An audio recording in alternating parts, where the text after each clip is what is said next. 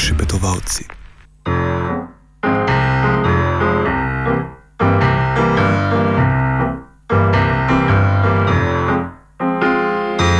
Želim živeti brez skrbi in tu jaz stiska me ne briga. Vem, kar je treba vedeti.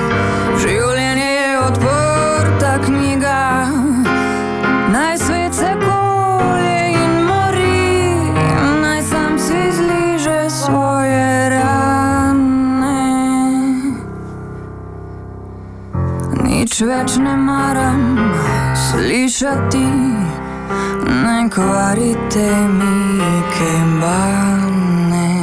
Največ je vreden mir, največ je vreden mir.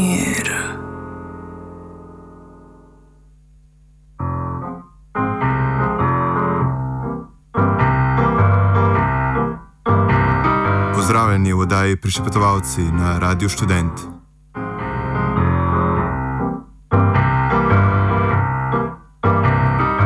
Na večer, ko so vsi svetovni mediji, pa naj so bili ob tem navdušeni ali prestrašeni, na veliko poročali o zmagi Sirize in se ukvarjali z edinim še odprtim vprašanjem, namreč z vprašanjem tistih par desetink odstotkov, ki so odločale o tem, ali bo ta zmaga resnična ali že vnaprej kompromisna, se je dnevnik naše nacionalne televizije začel z neutralno dobrimi novicami. Zmago Filipa Flisarja v smučarskem krosu, tretjim mestom Petra Prevca v smučarskih skokih in zmago Slovenije v osmini finala rokometnega prvenstva. A če bi ta predtakt, ob katerem je Manica Janežič sijala od navdušenja, čisto slučajno hoteli razumeti kot trik, skozi katerega je bolševiška televizija kanalizirala euforijo ob zmagi skrajne levice, bi se jasno motili.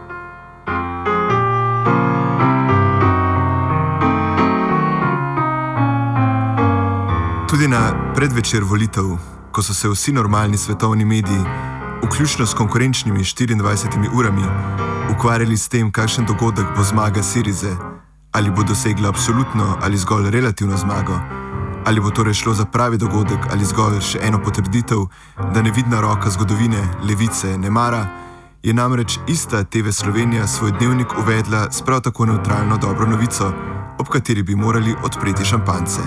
Citiram: Za začetek dnevnika spodbudna novica.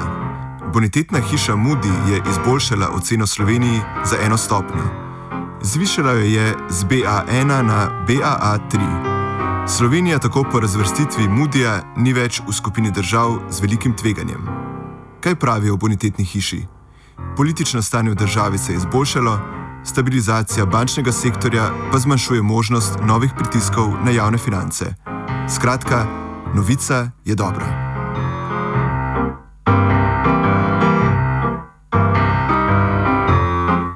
Če odmislimo bizarno in za RTV tipično lektorsko kaprico, nenadno prekrstitev bonitetne hiše Moody's v Moodyja, v čem še je ta nacionalkina gesta sporna in bizarna? O čem govori? Simptom česa je? V čem je v tej gesti spregovorilo slovensko politično nezavedno? V čem je ta gesta več kot zgolj znamenje slovenske samovoljne izključitve, ne le svetovnega, temveč že iz evropskega dogajanja? V čem je skratka uvod v sobotni TV dnevnik hujši od uvoda v nedeljski TV dnevnik? V čem je veselje ob dvigu bonitetne ocene še hujše od samoumevnega primata slovenskega športa pred novico, ki pač mora primarno zanimati avtorje osrednjih slovenskih poročil, če naj si še rečejo novinari? Če nas je Manica Janežič s športnim uvodom zgolj želela razvedriti in nas še enkrat več umestiti v ignorantski božji vrtec, ki naj se ukvarja sam s sabo, medtem ko citiram, po Evropi seveda budno spremljajo parlamentarne volitve v Grčiji, nas je z izpostavljanjem geste finančnega velikega drugega na predvečer grških volitev v ta svet posredno vendarle tudi vključila. Moody's, ki v svojem poročilu seveda ni pozabil napisati, da nam obljublja še večjo nagrado, če bomo nadaljevali pot privatizacije, je ekipi TV dnevnika služil kot most, s katerim se sploh lahko približamo vprašanju Grčije. Preprosto rečeno, Moody's je pripravil teren, ko je dobri novici takoj lahko sledila nova skrb. Kaj se bo, če v Grčiji pride do preobrata, zgodilo z našimi poroštvi?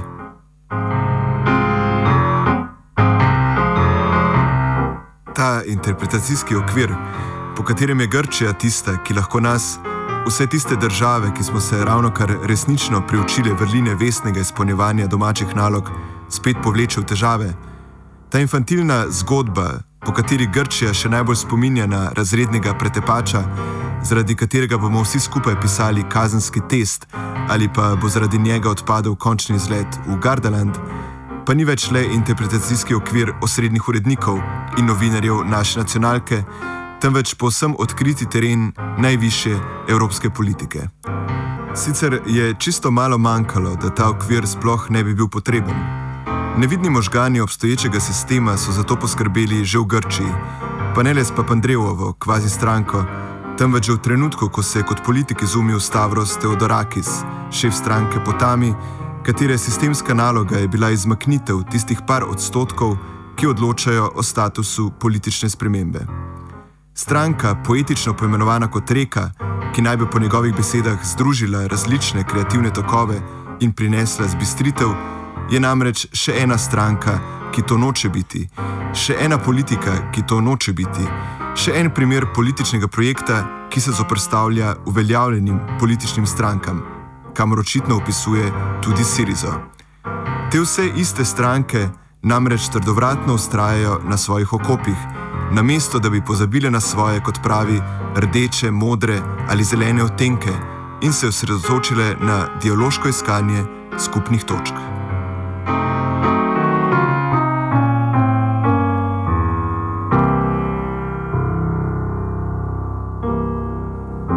Skratka, bili smo blizu situacije, da se dogodek Siriza ne bi zgodil že v samem štartu, da se ne bi zgodil že zato, ker je trdovratni sistem tudi v Grčiji iznašel svojega cerarja.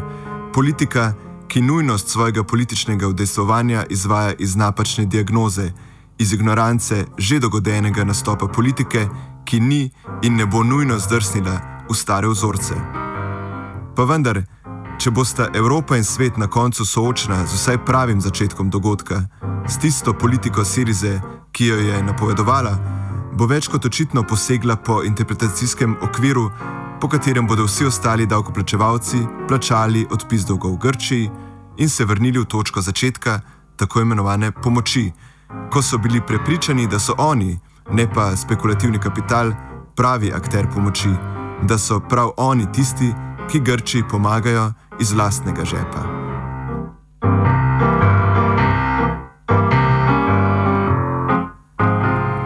tu se odpirata dve poti.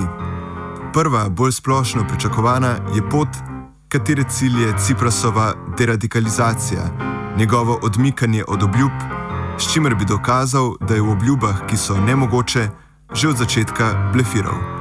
Govoril je nekaj, a bodimo realni, to se ne bo zgodilo. A ne smemo podcenjevati možnosti druge poti. Nisem namreč čisto prepričan, da evropske in svetovne elite niso zmožne zaigrati igre, po kateri Ciprasu popustijo, mu ustrežejo, mu odpišejo dolgove, a vse skupaj le zato, da pri državljanih drugih držav ponovno prebudijo že malo upadli resentiment do pobalina, ki nas spravlja v težave. Poglejte, bodo mogoče rekli, pri Grku smo rešili predaleč. Problematičen je, a taka je pač njegova narava. In ker smo kulturni, mu bomo pogledali skozi prste. Pa vendar, to še ne pomeni, da morate tudi vi ponavljati za njim. Formalno ga sprejmite medse in pokažite, da ste pametnejši in bolj kulturni. Sprejemajte reforme, privatizirajte in vrčujte. Le tako ga boste lahko pri sebi utemeljeno sovražili in mu zamerili. Ob vsem skupaj postane očitno, Edini način, kako minirati sam interpretativni okvir, je ta, da tudi mi ostali postanemo politični pobalini.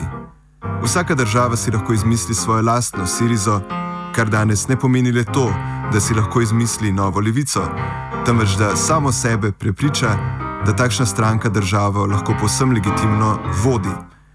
Le ko bo pobalinov preveč, da bi jih učiteljice in z njimi nalinkani piflari lahko vzeli kot izolirane primere, se bodo lahko spremenili kriteriji tega, kaj pobalinstvo sploh je.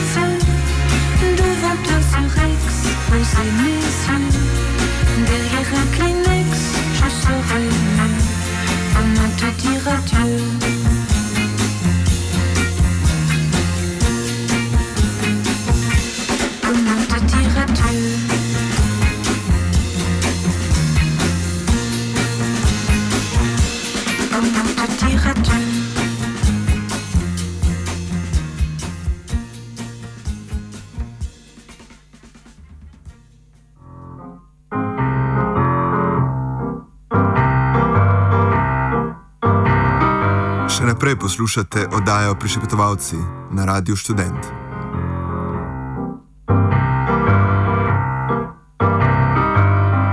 Že prej smo govorili o tem, da je edina učinkovita protisistemska strategija prav razpršena ofenziva, ustvarjanje čim več Grči in čim več Siriz.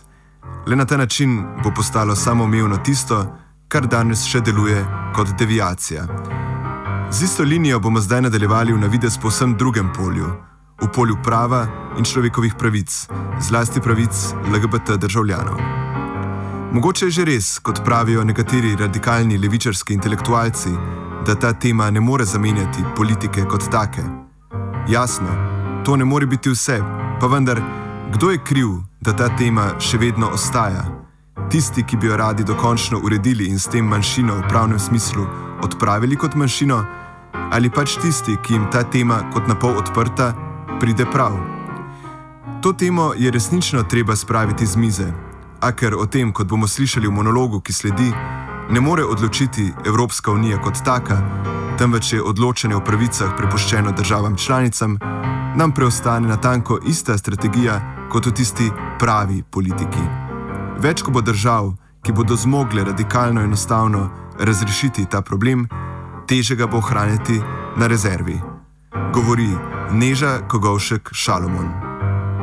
V zadnjem času sem se veliko ukvarjala z vprašanjem svobode gibanja mauričnih družin. Eh, to je povezano tudi z aktualno debato v Sloveniji, ker vemo, da se ponovno odpirajo eh, vprašanja pravne enakosti istospolnih partnerjev z partnerji različnega spola.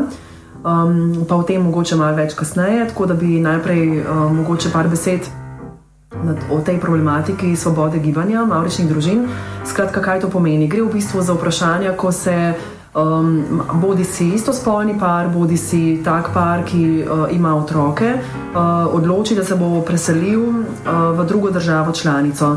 Um, in ker vemo, da so ureditve teh, tega področja v državah članicah zelo različne, torej nekatere priznavajo vse pravice, enake tistim, ki jih priznavajo partnerjem različnega spola, nekatere ne priznavajo absolutno nobenih pravic, večina držav pa je nekje vmes, torej na neki stopni priznavanja do določene mere in hkrati odrekanja še določenih ugodnosti ali pravic, ki jih pa priznava po drugi strani partnerjem različnega spola. Tako da ta različnost ureditev v bistvu vodi do tega, da je potem pravni položaj take družine ali pa para, ko se preseli v drugo državo članico, še malo bolj nejasen kot že sicer. Um, ker namreč zakaj? Evropska unija je doslej bila pripravljena urejati, oziroma se je zadinila v tem, da bo urejala um, predvsem pravice v primeru svobode gibanja, se pravi v primeru, da se določena oseba preseli v drugo državo članico in da se jim priznala recimo pravico, da se s to osebo preseli zraven tudi uh, družinski član te osebe. In tukaj je vprašanje, kdo pa je družinski član. Tukaj se um, stvari zelo zakomplicirajo, ko, ko pridemo do istospolnih partnerjev ali pa recimo posvojenih otrok ali pa otrok, ki so bili rojeni z, uh, bio, z biomedicinsko uh, pomočjo. Preko ploditve z biomedicinsko pomočjo, in tukaj stvari potem kar naenkrat več niso tako jasne, kot so denimo pri zakoncih, uh, bioloških otrok, otrocih in tako naprej. Um, in uh, stvari so pa nejasne ravno zaradi tega, ker se prvič ne ve, ali recimo neka država članica, ki istospolnih partnerskih zvez sploh ne priznava, bo priznala to zvezo, ki je bila sklenjena, recimo kot, bodi si kot zakonska zveza, bodi si kot registrirano partnerstvo. V uh, neki drugi državi članici, ali bo priznala uh, posvojitev, ki je bila recimo izvedena na strani dveh istospolnih parov, pri čemer pač ta gostujoča država članica take posvojitve ne omogoča. Um, ali bo priznala recimo rojstni list um, uh, otroka, ki je bil rojen uh, z oploditvijo, z biomedicinsko pomočjo, um, ali bo izdala uh, naprimer osebno izkaznico takemu otroku, potem gremo lahko še naprej do recimo transspolnih oseb ali pa do oseb, ki imajo nedoločen spol, kot vemo je Nemčija prva država članica Evropi, ki sedaj omogoča to, da se spol ne izbere, v primeru, da ima otrok, ki se rodi um, uh, z značilnosti obeh spolov.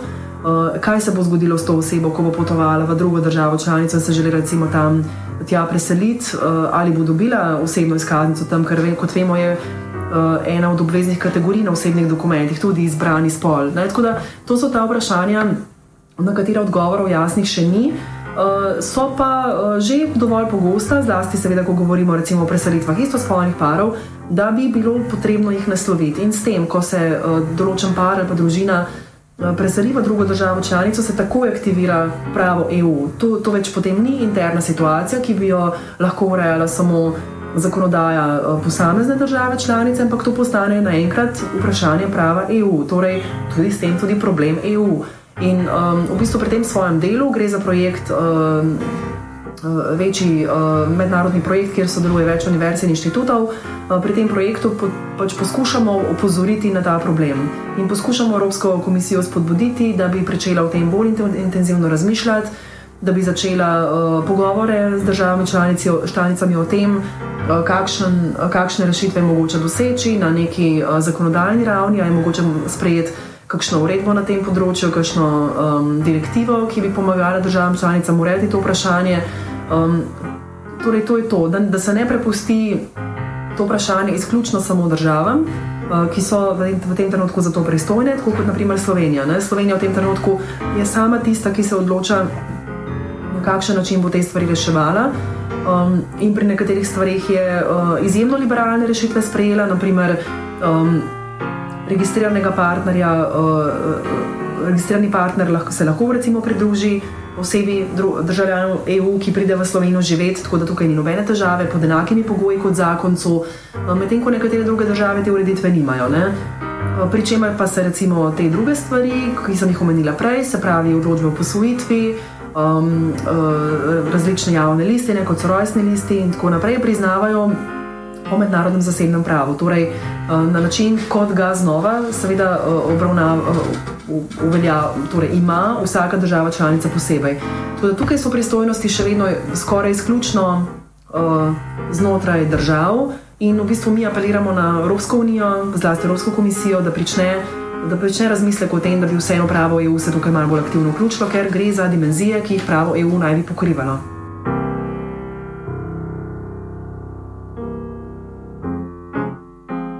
Tako v bistvu predlog, ki um, je najbolj vključujoč, ker pač um, z vidika človekovih pravic je vedno dobro izhajati iz predlogov, ki so najbolj vključujoči, ki priznavajo največ, ki omogočajo najbolj um, nekakvarno uh, situacijo za pare in družine in posameznike.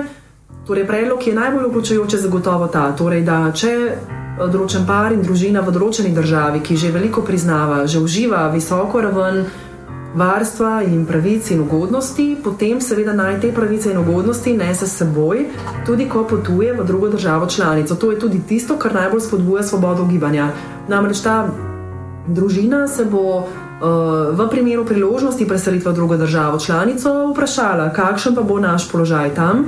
In če bo ugotovila, da ne bo imela skoraj nobene od pravic, ki jih je uživala prej, Eh, oziroma da morda sploh družina kot taka ne bo mogla iti, ampak da bo lahko se preselil samo tisti posameznik, ki je naprimer dobil službo ali pa ima priložnost, da se tam zaposli, potem bo resno razmislila o tem, ali bo sploh šla. Ne? In to je tisto, kar um, svobodo gibanja potem omejuje, ne spodbuja. In če Evropska unija želi spodbujati svobodo gibanja in glede na vse dokumente, ki na to temo obstajajo, to želi.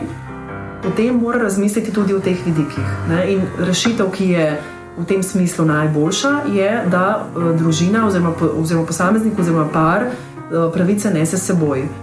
Uh, seveda pa to potem odpira nove težave, tukaj nismo naivni. Ne? Popolnoma se razumemo, da um, to potem lahko pomeni, da določena družina, ki se naprimer preseli, zdaj si bom izmislila primer iz Danske.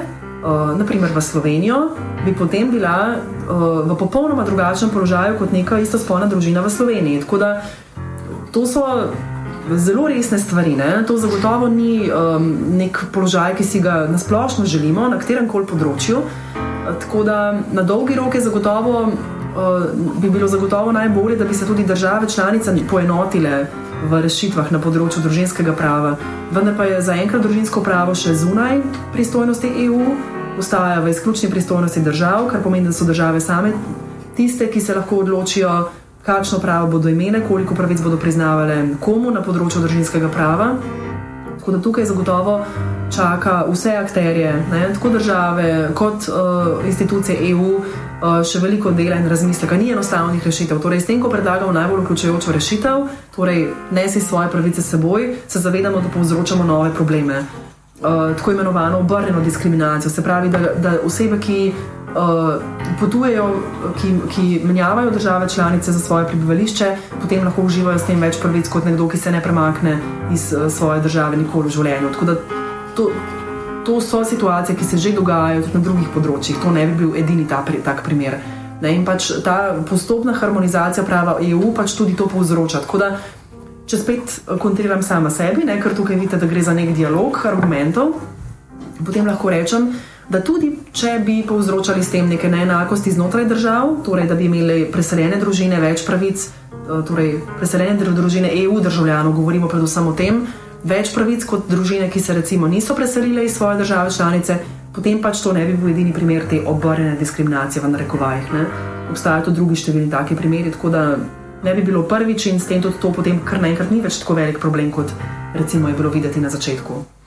Ja, pa je inštanca, ki bi recimo uh, to področje, ki, ki bi mogla pasti odločitev, da bi to področje padlo pod, uh, pod pristojnost Evropske unije, kot take, ne pa države članice. Soglasje držav članic je potrebno. Torej, popolno soglasje, to pomeni, da se mora vsaka od 28 držav strinjati s tem, da se um, nek del prava, družinskega prava ali pa družinsko pravo kot celota predstavi v pristojnost EU. In um, osebno jaz pričakujem, da se to še ne bo tako malo zgodilo, zato ker so tukaj uh, neke um, rešitve, ki so vezane na tradicijo in na neke vred, prevladujoče vrednote v državah, um, tiste, so, ne, zaradi katerih države to področje še vedno držijo v svojih rokah. Torej, če pogledate razlike, že samo razlike na enem tako osnovnem področju, kot je recimo pravica do splava, ne, ali pa splav kot, kot, kot, kot pojem. Kot, kot um, nek uh, fenomen. Uh, že tukaj so razlike. Ne? Pa je to nekaj, kjer, so, kjer je veliko držav doseglo uh, soglasje že pred uh, desetletji. Drug, obstajajo države v Evropski uniji, ki, soglasja, ki torej spremen, niso spremenile politika na tem področju uh, na enak način, kot, to storile, kot je to storila večina drugih. Ne? In to, to, pa, to, to je ena od teh stvari, ki sodi uh, v te etično občutljive vidike. Ne? In potem lahko tukaj samo še nizamo ostale, se pravi, splav je prva stvar, uh, druga stvar je potem recimo uh, uh, oploditev z biomedicinsko pomočjo, to je druga taka tema, posvojitve so tretja taka tema, zakonska zveza je četrta taka tema. Um, najbolj nekako uh, kontroverzna tema je recimo nadomestno materinstvo, ki je, um, ki je omogočeno v zelo omejenem številu držav članic. Tako da to je vse tisto, kar sodi pod družinsko pravo in um, ker so razlike tako velike, jaz ne pričakujem, da bo konsens uh, hiter.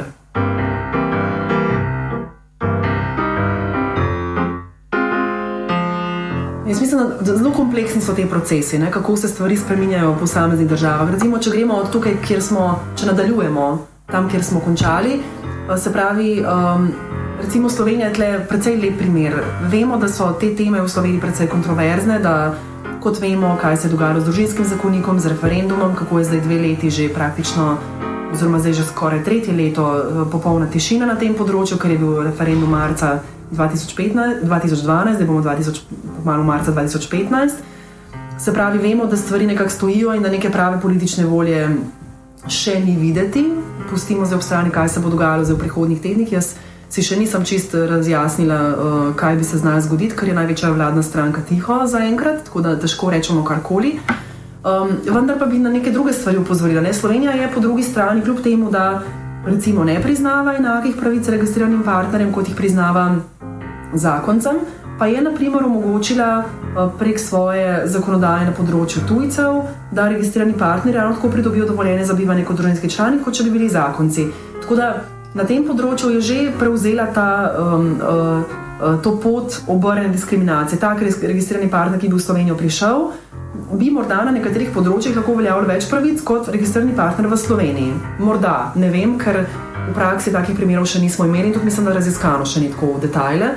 Um, in tudi praksa bo seveda pokazala na nove težave na tem področju. Tako da hočem reči, da mali koraki na nekaterih področjih, zelo presenetljivi, precej liberalni, že obstajajo. Ne? In je zanimivo opazovati recimo zakonodajo, kako se bolj liberalno spremembe odvijajo na enih malih točkah, medtem ko ta, ta krovna.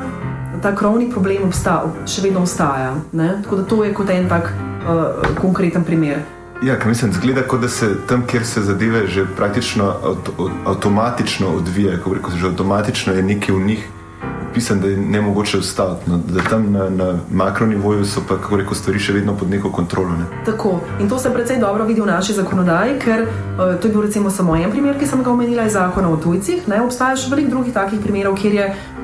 Kjer so bile počasi pravice registriranim partnerjem dodajane, Um, tako da, če, če danes pogledaš sliko od daleč, v bistvu vidiš, da še zelo malo manjka do, do celovite enakosti, ne? ker dejansko teh pravic vedno več. Seveda, govorimo o celotnem naboru pravic, tiste ključne, ki so najbolj tudi ideološko zanimive, ne? da rečem tako, ostajajo pa še vedno zunaj in na, na njih poteka kulturni boj.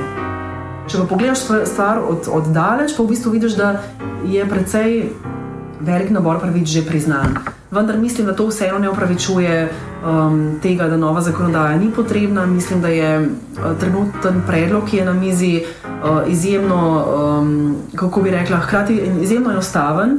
In človek, tako enostaven, da se človek vpraša, zakaj se nobena politična stranka tega ni spomnila že prej. Uh, govorim seveda o zelo enostavni spremembi uh, trenutnega zakona o zakonski zvezi in družinskih razmerih, ne, ki je star uh, skoraj 40 let. Ne.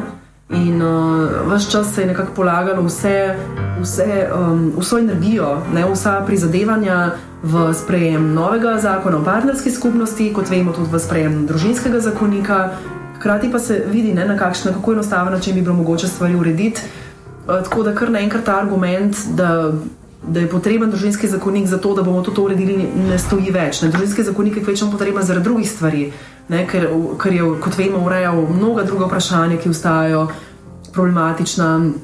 Recimo zaščita otrok, ki uh, nimajo primernih družin, ne, ukrepi za varstvo otroka, to je tisto, kar, um, kar se večkrat poudarja, kar je, od, kar je bila ena od pozitivnih, pozitivnih stvari družinskega zakonika, pa so ravno tako padle zaradi drugih razprav, ki so potekale usporedno s tem. Ne. Tako da dejansko bi bila najboljša popotnica sprejema novemu družinskemu zakoniku v prihodnosti to, da se najprej popravi obstoječi zakon o zakonski zvezi in družinskih razmerih na točki partnerstev, na točki zakonskih zvez, ker to potem kar naenkrat ne bi več ogrožalo tega družinskega zakonika v prihodnosti, ki pa vsebuje vse te ostale elemente, ki so potrebni za varstvo otrok. To bi bilo, to bi bilo v bistvu zelo elegantna pot do novega družinskega zakonika. Ne? Tako da, recimo, če poslušamo te razprave, da zakaj bi pa zdaj popravljali ta zakon o zakonski zvezi, če pa imamo na mizi nov družinski zakonik, ravno zaradi tega, da ne bo padel še enkrat.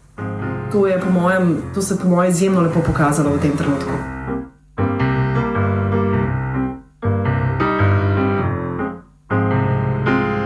No, nisi treba ravno veliko izmisliti, da ignoriraš uh, to, to tem. Ne moramo se slepiti, ne, da bi ignoriral sodbo Avstrijskega ustavnega sodišča, ker Avstrijsko ustavno sodišče Slovenije ne zavezuje. Ne? Tako da bomo pošteni. Ne? Ampak, seveda, na pravnem področju, če gledamo, to je, to je politično gledano. Uh, če pa gledamo pravno in v smislu, da, uh, da se praksa, sodna praksa v Evropi, da zelo, vpliva, da zelo vplivajo eno ustavno sodišče na drugo. Pa uh, obstoja te sodbe, seveda, ni mogoče ignorirati. Ta sodba je precedenčna ne samo za Avstrijo, ampak za celo Evropo. Obstaja samo nekaj podobnih sodb po svetu, ne vem, v Ameriki, Kanadi, Južni Afriki so nekateri primeri, medtem ko za Evropo je to prvič, ne, da je ustavno sodišče odločalo o skupni posvojitvi, ker so o tem doslej vedno odločali parlamenti. Tudi tega ni mogoče spregledati. Tudi ni mogoče spregledati zelo enostavne in jasne argumentacije, ki jo Avstrijsko ustavno sodišče tukaj um, uh, predstavlja, drži, ki drži vodo. Ne? Torej, popolnoma enostavno si je zamisliti, da če dva posameznika, ki sta sicer registrirana partnerja, lahko posvojita otroka, da je potem popolnoma absurdno, da jim ne pustiš posvojiti otroka tudi skupaj. Ne? Tako da to je. Uh, To je situacija, ki je v Avstriji in ki bi jo bilo zelo enostavno prenesti tudi na Slovenijo. Ne? Tako da Uh, jaz sem prepričana, da če bi se, to pa lahko rečem, ne, torej politično smo rekli, da ni tako enostavno, lahko pa rečem, da če bi se podoben primer znašel pred slovenskim ustavnim sodiščem, da bi slovensko ustavno sodišče moralo se zelo potruditi, torej res, resnično iz petnih žil potegniti argumentacijo, ki bi temu nasprotovala. Um, in da bi moralo v to verjetno vključiti tudi uh, druge razloge, ki ne bi bili izključno pravni, če bi hotelo podobno zahtevo uh, zavrniti. Ne. Kar pa je seveda treba se zavedati pri našem ustavnem sodišču, pa je to, da te sodbe ni mogoče kar tako uporabiti, se pravi, da bi za nekdo direktno vložil pobudo za presojo ustavnosti uh, in pričakoval enak rezultat. Ustavno sodišče ima namreč zelo striktno pravilo, ki ga spoštuje zadnjih um, osem let, uh, da je potrebno izčrpati vsa pravna sredstva, preden um, odloči o čemkoli. Tako da v tem konkretnem primeru bi lahko prišli do podobne odločitve, samo če bi, se, uh, če bi obstajal par, ki bi uh, zaprosil za, za to, da se vključi v postopek za skupno posvojitev, ki bi ga potem seveda zavrnili, mogel bi uporabiti vse druge pravne instance, torej najprej uh, upravno sodišče, uh, pardon, uh, civilno sodišče. Uh, potem, ko bi uporabil to, uh, vrhov, torej više sodišče, vrhovno sodišče in potem ustavno sodišče. Tako da pot do, do takega postopka bi bila bo izjemno dolga, če se ga bo kdo lotil v tem trenutku. Vseeno pa upam, da se ga bo kdo lotil, ker mislim, da je uh, čas zdaj za to. Ne, ne, ampak meni se zdi, tisto, na kar sem imel, se mi zdi, da, da v politični razpravi bi ta argument. Mislim, tle bi se tudi morali zelo truditi, kako bi komisar, sebi našel bi način, absolutno bi ga, mislim, ampak um, kako bi v bistvu nekaj tazga, kot je avstrijsko ustavno sodišče, mislim, kako bi to potovku, na, na kaj bi se oprl, jaz ne vem, resnici. Tudi jaz si težko predstavljam, tudi jaz si težko predstavljam. Ja, tudi jaz mislim, da uh, samo dejstvo, tako bom rekla, da v bistvu katero koli ustavno sodišče v Evropi bi bilo, po naključju je to seveda ustavno sodišče, ki je najstarejše v Evropi, kar je še posebej uh, mogoče zanimivo z nekega zgodovinskega vidika. Ampak mislim, da katero koli ustavno sodišče bi to bilo, bi bilo z, z vidika nekega ustavnega, primerjalnega prava, bilo zelo pomembno dejstvo.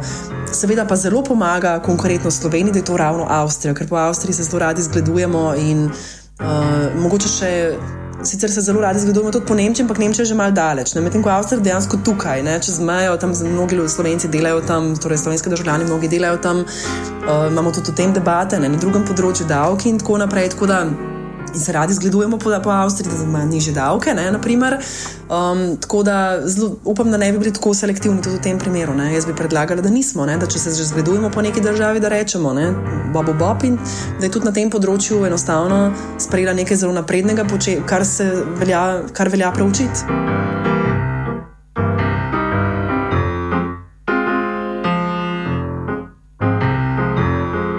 Je pa res, ne, to se pa je treba zavedati, da um, ta odločitev v Avstriji ni na ključje, ampak je um, rezultat, uh, tako bi rekla, um, litigacijske ofenzive. Zdaj to v bistvu pomeni, da, um, da je obstaja skupina. Uh, pravnikov in um, torej istospolnih partnerjev, ki skupaj delajo za to, da na različnih področjih vlagajo vsa možna pravna sredstva, s katerimi poskušajo pač doseči tisto, kar jim zakonoda zakonodajalec, ne, jim zakonodajalec ne želi priznati. In poskuša preko sodnih poti doseči pač neke svoje pravice. In to je samo en. Z njihovega vidika je to še ena dodatna sodba, ki so jo dosegli v zadnjih, recimo, štirih letih. Ker dosegli so že marsikaj. Recimo, malo manj znana sodba predtem je bila, da je ravno tako ustavno sodišče um, um, razveljavilo ureditev, po kateri samske ženske niso imele pravice do dostop, torej dostopa do um, oploditve z biomedicinsko pomočjo. Tudi to je razveljavilo njihovo ustavno sodišče. Da, in to je tudi eden, eden od uspehov te skupine. Tako da kaže na to, da moraš zelo veliko vložiti, da priješ do takih rezultatov. Te stvari se ne zgodijo same od sebe. Ne? V Sloveniji smo doslej poskušali samo na področju dedovanja doseči take odločitve in smo tudi jih, ampak na drugih področjih pa nekako se to ne zgodi. Ne? In je škoda, ker bi se dalo, ker je dejansko zagovarjati pred, pred, eh, pred sodišči to vprašanje zelo enostavno, ne? ker samo primerjaš. In ker tudi sodne prakse je že tako veliko, ne samo pred ustavnimi sodišči, različnimi evropskimi, ampak tudi pred uh, sodiščem Evropske skupnosti in tudi pred, pred Evropskim sodiščem za človekove pravice, torej v Strasburu in v Luksemburgu, je že toliko, da se, da, da se, da se jo da zelo enostavno uporabiti kot neke precedence, na katere potem. Vsebinsko vezano tudi naše ustavno sodišče. Ne, tako da tukaj bi se dalo zelo, zelo veliko doseči, um, in upam, da se bo v prihodnosti torej, GLBT skupnost skupaj s pravniki bolj aktivirala na tem področju.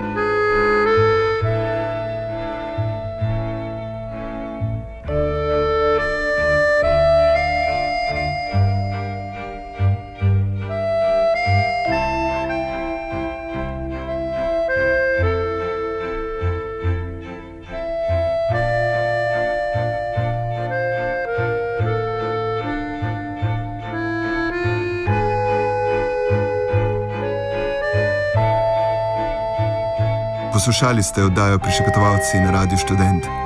Pripravila so jo Aleš in Tadej. Tehniciral je Valks.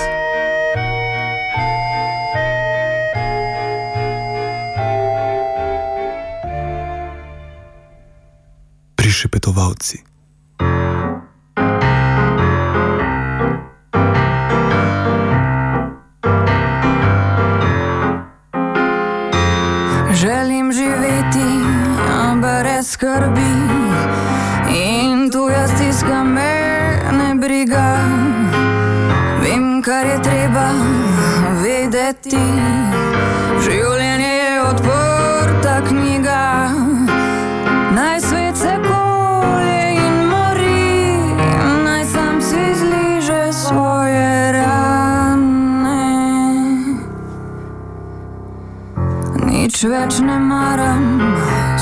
Slišati, ne kvarite mi kembane. Največ je vreden mir, največ je vreden mir.